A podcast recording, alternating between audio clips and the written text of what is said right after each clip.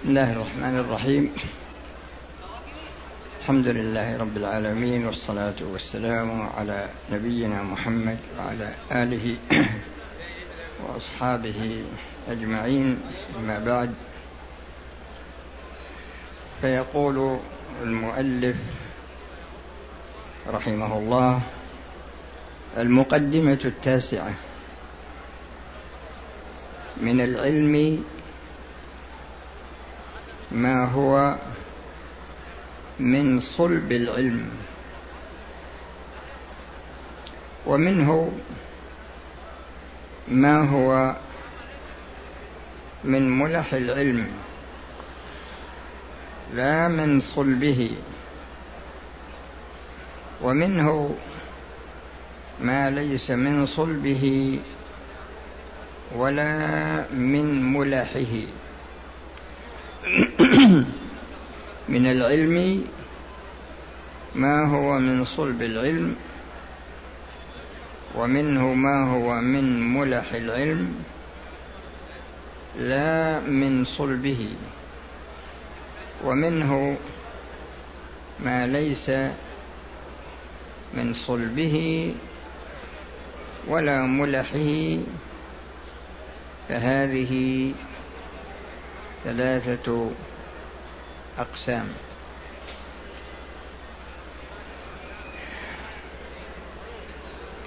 المقصود من هذه المقدمة هو بيان العلم الذي ينبغي لطالب العلم أن يتجه إليه مدة حياته. المقصود من هذه المقدمة هو بيان العلم الذي ينبغي لطالب العلم أن يتجه إليه في جميع حياته وبيان العلم الذي تكون درجته أقل من الأول فيهتم به بعد الاهتمام من الأول. والثالث هذا ليس فيه مصلحة شرعية. للشخص فينبغي ألا يشغل نفسه به هذا من جهة. وقد يحرم تعلمه وقد يحرم تعلمه. قال القسم الأول هو الأصل والمعتمد. والذي عليه مدار الطلب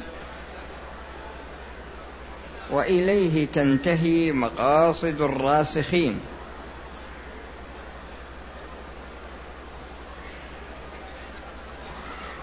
وذلك ما كان قطعيا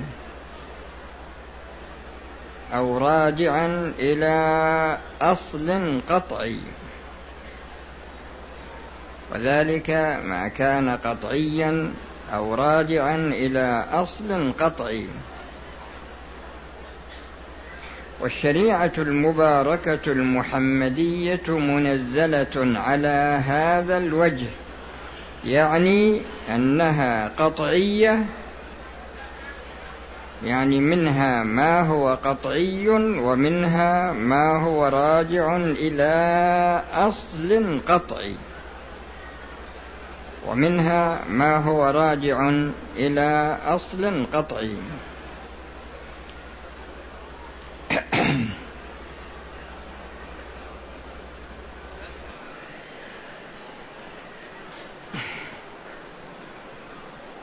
مقصوده من هذا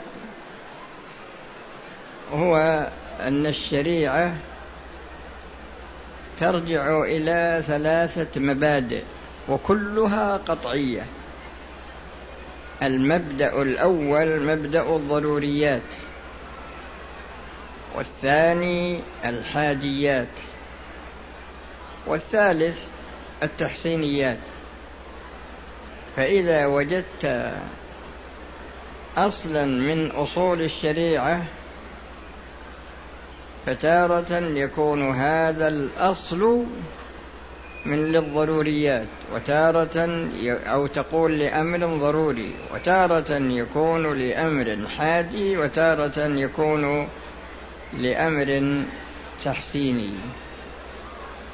وهكذا إذا وجدت فرعا من فروع الشريعة سواء كان في باب العقائد أو كان في باب العبادات أو المعاملات كلها إذا وجدت فرعا فإما أن يرجع إلى مبدأ ضروري أو مبدأ حاجي أو مبدأ تحسيني أي فرع من فروع الشريعة لا بد أن يرجع إلى واحد من هذه الأمور. يعني يكون من الضروري أو يكون من الحاجي أو يكون من التحسيني والعلماء رحمهم الله أحصوا الضروريات وهي المحافظة على الدين وعلى النفس وعلى النسل وعلى العرض وعلى العقل وعلى المال. فبعض العلماء يجعلها ستة وبعضهم يجعلها خمسة ويدخل العرض في النسل لأنهما متلازمان. والعرض مثل الآن ترتيب حد القذف. عندما يرمي شخص شخصا بالزنا ولا يثبته ويكون غير زوج للمرأة. فهذا يحد حد القذف إذا لم يثبت ذلك. والمحافظة على النسل من ناحية ترتيب حد الزنا. والمحافظة على الدين من ناحية قتل المرتد. والمحافظة على النفس من جهة القصاص في القتل العمد العدوان. والمحافظة على العقل من جهة تحريم الخمر والمحافظة على المال من جهة ترتيب حد السرقة. هذه مبادئ خمسة أو ستة.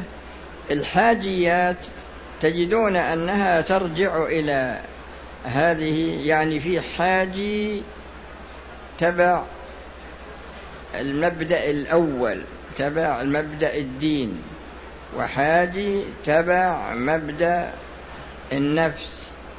وحاجي تبع مبدأ المحافظة على النسل ومبدأ حاجي المحافظة على العرض ومبدأ حاجي المحافظة على العقل ومبدأ حاجي المحافظة على آه الباقي المال. نفس المبدأ التحسيني اللي هو المبدأ الثالث يأتي في هذه كلها.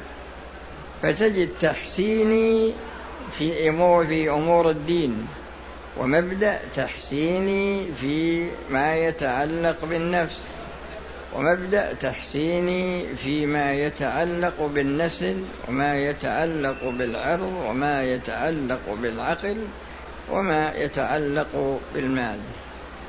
فالضروريات هي الأساس والحاجيات بعدها والتحسينيات بعدها. فالحاجيات فالضروريات ستة والحاجيات ستة والتحسينيات ستة هذه ثمانية عشر. ولا تجد فرعا من فروع الشريعة يخرج عن إرجاعه إلى واحد منها. لكنه يحتاج إلى شخص تكون عنده وقدرة على فهم الشريعة وفهم الرد وفهم أصولها وفهم الربط بين فروعها وبين أصولها.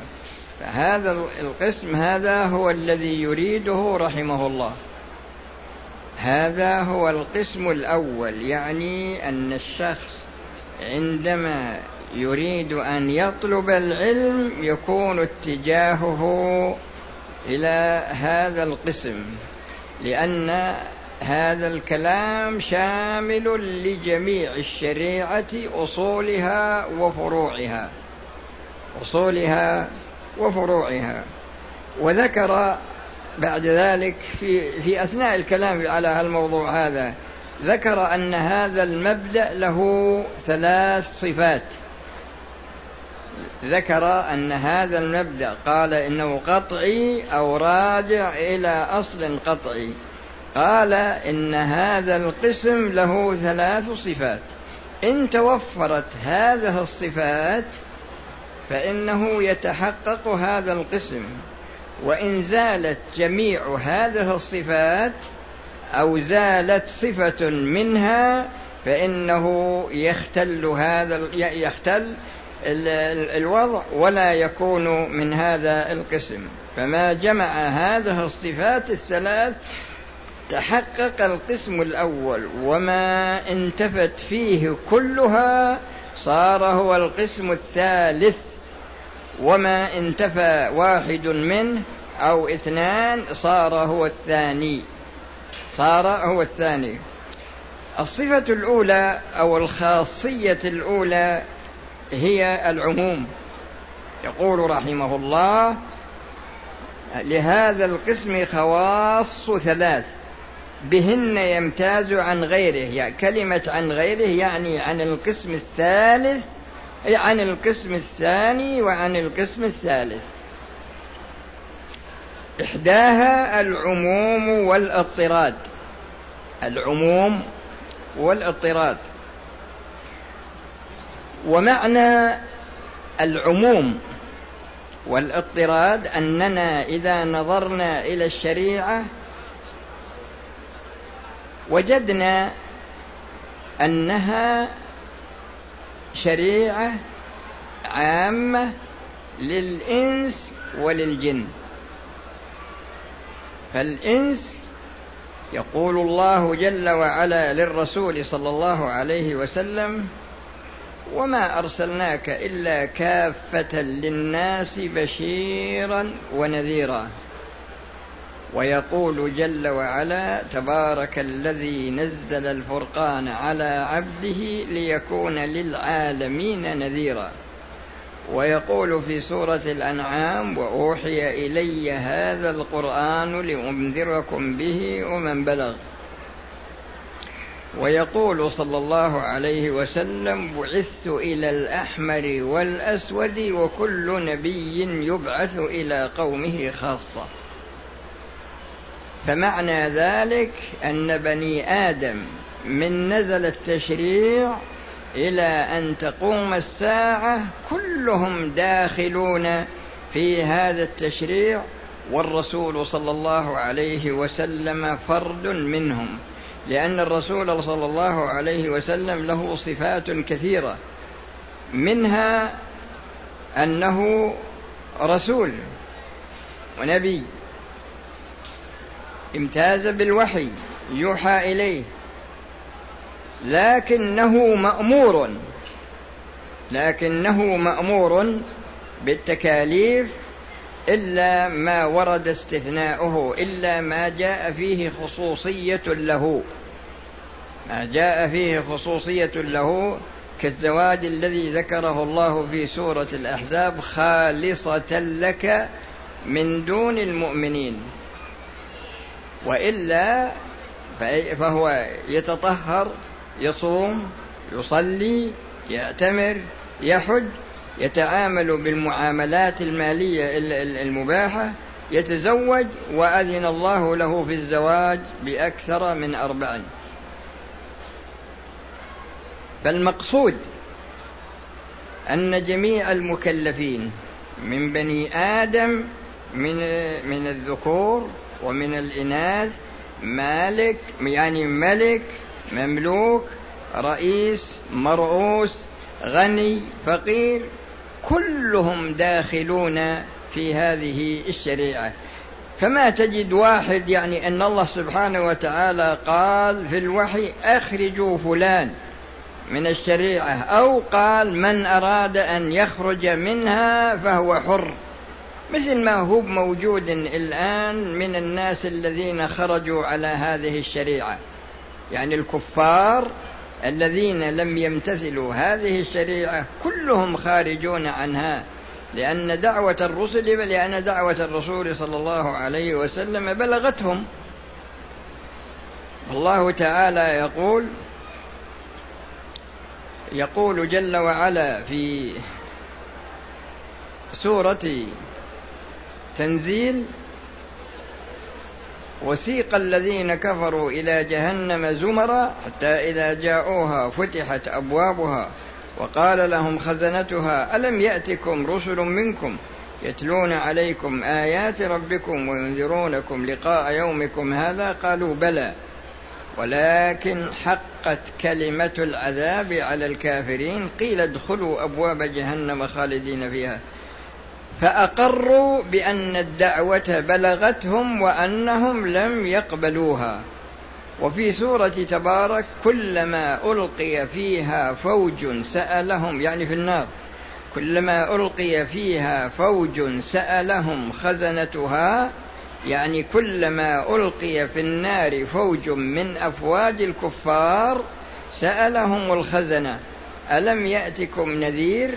قالوا بلى. قد جاءنا نذير فكذبنا وقلنا ما نزل الله من شيء إن أنتم إلا في ضلال كبير. يعني قالت لهم الخزنة إن أنتم إلا في ضلال كبير. قالوا لو كنا نسمع أو نعقل ما كنا في أصحاب السعير فاعترفوا بذنبهم. هذا هو الشاهد. فاعترفوا بذنبهم فسحقا لأصحاب السعير. فما في أحد يدخل النار يوم القيامة إلا وقد بلغته الحجة في الدنيا ورفضها. سواء كان هذا الرفض كليا كالمشركين شرك أكبر والمنافقين نفاق أكبر والكفار كفر أكبر على حسب درجات الشرك والنفاق والكفر. أو كان دون ذلك كأصحاب الشرك الأصغر أو كان ذلك أو كان دون ذلك كأصحاب كبائر الذنوب الذين يد الذين آه، يعني قدر الله أنهم يدخلون النار ويطهرون فيها من المعاصي وإذا طهروا أخرجهم الله إلى إلى النار إلى الجنة لأن مآلهم إلى الجنة لأن مآلهم إلى الجنة. وكما أن هذا الدين عام في بني آدم فهو عام للجن. وإذ صرفنا إليك نفرا من الجن يستمعون القرآن فلما حضروه قالوا أنصتوه.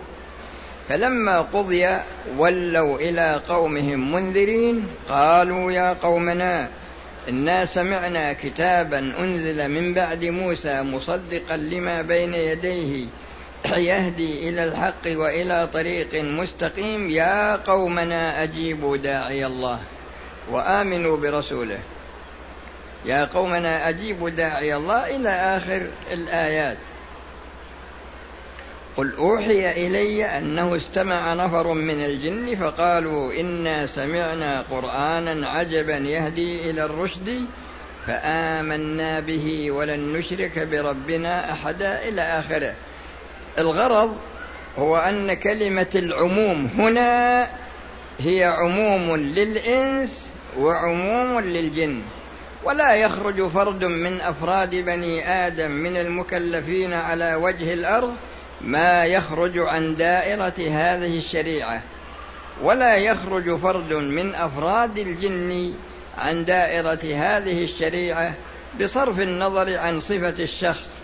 يكون كبير يكون مثلا يعني قصدي يكون رئيس يكون مرؤوس يكون غني يكون فقير يكون عالم يكون جاهل كلهم داخلون تحت هذا.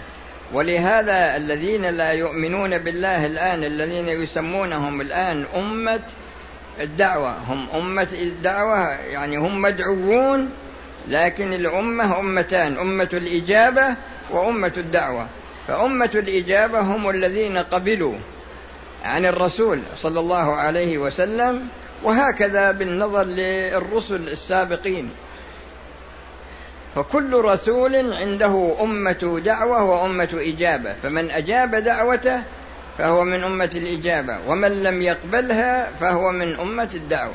فالأول من أمة الإجابة والدعوة معا لأنه دعي فأجاب. والثاني من أمة الدعوة لأنه دعي ولكنه أبى. فهذه الخاصية يعني هذه خاصية من خواص هذا القسم يعني عموم الشريعة وأن وأنه ليس لأحد حق من بني آدم ولا من الجن أن يخرج عنها هذا من جهة. وليس لأحد حق من الإنس ولا من الجن أن يسقط أن يسقط حكما من الأحكام عن أي فرد من الأفراد إلا في حدود ما جاء في باب الرخص. يعني الشيء يعني الإسقاط الذي يكون له مستند شرعي. الإسقاط الذي يكون له مستند شرعي. هذا وجه من وجهي العموم. الوجه الثاني أن هذه الش... أن هذه أن هذه الشريعة يعني هي مضطردة هذا العموم مضطرد إلى أن تقوم الساعة. مضطرد ولا يتخلف أبدا. ما يتخلف أبدا. فيه عموم من ناحية الأفراد وفيه عموم من ناحية التكاليف. بمعنى أن التكاليف لا يسقط منها شيء. يعني اختيارا. مثل شخص أسقط عن رعيته صلاة الجمعة وأمرهم بأن يصلوها ظهرا. ما هو التعليل؟ يقول إن حضورهم لصلاة الجمعة يؤثر على مسار اقتصاد البلد. لأن يحتاجون إلى حضور الجمعة ساعة ولا ساعة ونصف ولا ساعتين. يقول إن الفترة هذه يعني مفروض أنهم يشتغلون في رفع مستوى البلد. ومثل ما هو موجود عند بعض أصحاب يعني عند أفراد من بعض الطرق أصحاب الطرق. يعني إذا وصل إلى درجة إذا وصل إلى درجة سقطت عنه التكاليف. يعني ما يحتاج يصوم ولا لأنه وصل إلى درجة يفعل ما يشاء. يترك يفعل محرمات. يعني في درجات عندهم يعني مسلسلة عندهم. إذا وصل إلى هذه الدرجة أصبح يسقط عن نفسه وله الحق أيضا أن يسقط عن غيره ما شاء من التكاليف من من النساء ومن الرجال. يعني يكون عنده تشريع من رأسه. هذا موجود عند بعض أصحاب الطرق. يس يعني تسقط عنه التكاليف من جهة وله الحق في أن يسقط ما شاء من التكاليف عمن شاء من أتباعه. لأنه لا هو شيخ طريق هو شيخ طريقة. له أتباع. فهو يكون فهو يكون مصدر تشريع لنفسه ومصدر تشريع لأتباعه. مصدر تشريع لنفسه ومصدر تشريع. والله يقول للرسول صلى الله عليه وسلم ولو تقول علينا بعض الأقاويل لأخذنا منه باليمين ثم لقطعنا منه الوتين فما منكم من أحد عنه حاجزين. ويقول قل إنما حرم ربي الفواحش إلى أن قال وأن تقولوا على الله ما لا تعلمون.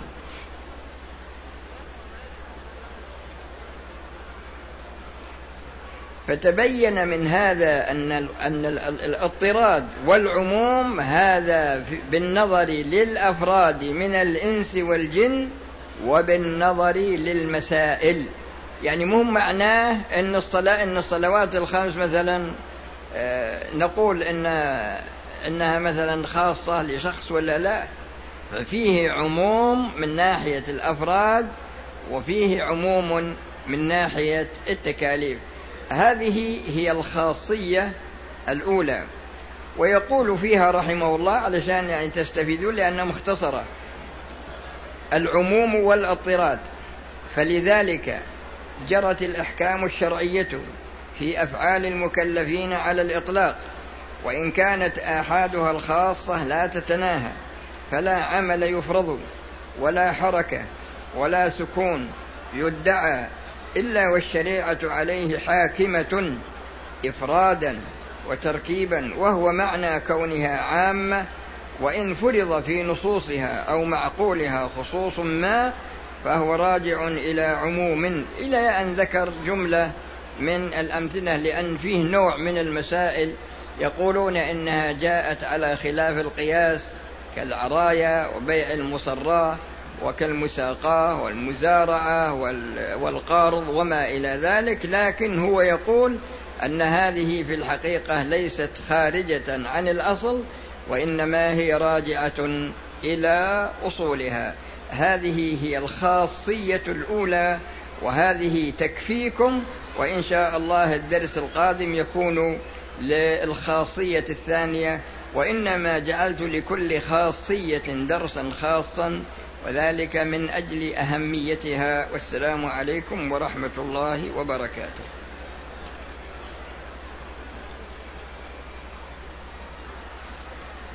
ما في أسئلة؟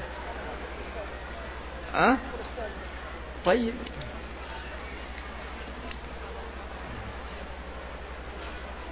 نرى في هذه الأوقات البعض يجلسون ويذكرون بصوت جماعي.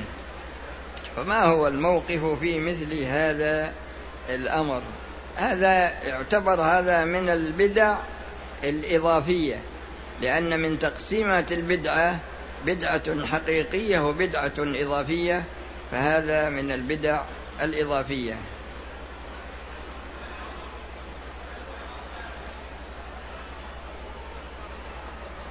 يقول من الحفاظ على ضرورة من الضرورات من ضرورات الدين وهي حفظ العرض.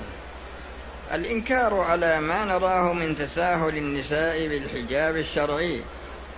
ويحتج بعض النساء علينا بجواز لبس النقابي النقاب لبس ما في إشكال يا أخي. تبي تلغي شيء أقره الرسول صلى الله عليه وسلم؟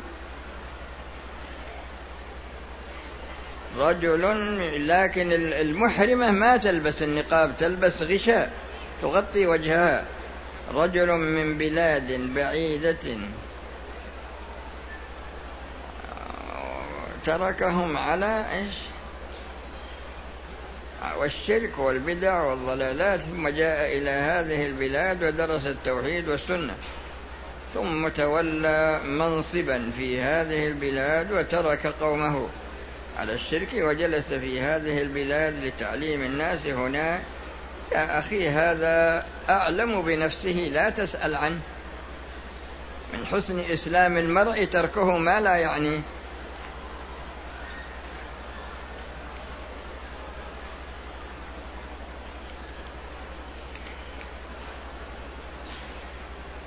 هل هناك فرق بين العمل والفعل. يا أخي العمل يراد به الشيء المستديم والفعل يراد به الشيء الذي يحصل مؤقتا. ولهذا إذا تتبعت القرآن في الغالب ولا قد يوجد في بعض المسائل لكن في الغالب إذا نظرت إلى الفعل وجدت أنه مؤقت. وإذا نظرت إلى العمل وجدت أنه مقصود به الأمر المستديم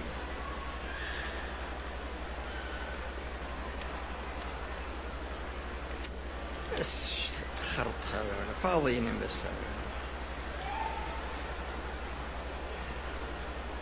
البدعة الحقيقية يا أخي هي التي لم تشرع أصلا. مثل إنسان يبي يصوم يوم العيد. هذا هو منهي عنه لكن لو صامه أصبح بدعة. والبدعة الإضافية تكون مشروعة في الأصل لكن قد يصاحبها من من الكيف أو من الكم ما يجعلها بدعة مثل التكبير الجماعي. التكبير من حيث الأصل مشروع لكن على هذه الهيئة لم يفعل في عصر الرسول ولا الصحابة ولا التابعين ولا أتباع التابعين.